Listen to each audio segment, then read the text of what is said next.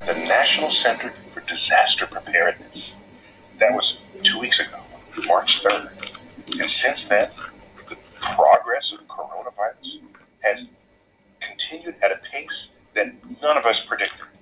In fact, the World Health Organization declared it a pandemic, and many cities are encouraging social distancing, either by suggestions or by actual policy.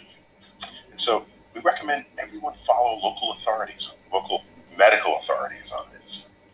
We want this program to help you make the best decisions you can when tracking the progress of this disease.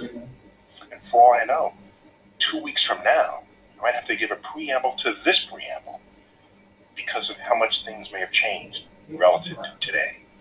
So we offer this show in the interest of your enlightenment, your health, and your wisdom. Hey, YouTuberverse, the Cosmic Query is coming up now. Disaster preparedness, what you need to know.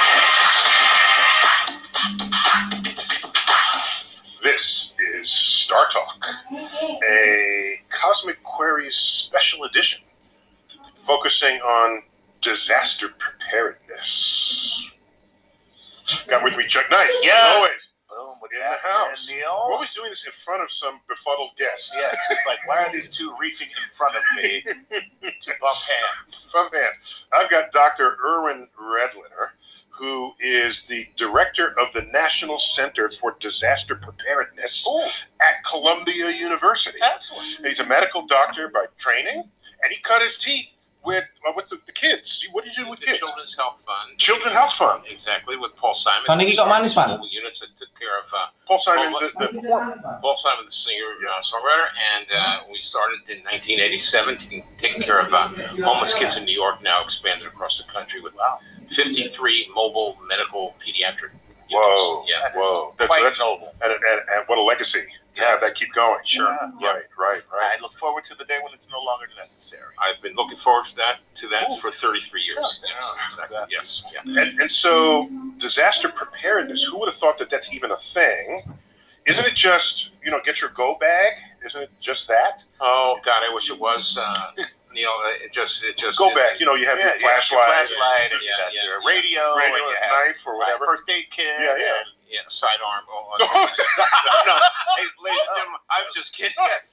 They, they I know see. as they know Erwin as has a hearing him now. Erwin has a bit more dystopian view of disaster preparedness. I you see. know, they know I was kidding, right?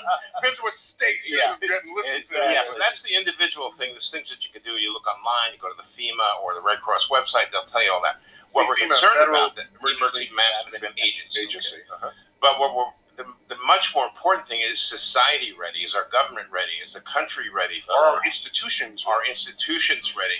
Is the is their readiness on the level of real serious preparedness and pro, pre-thought about what we actually need to do to manage things like an uh, like a pandemic?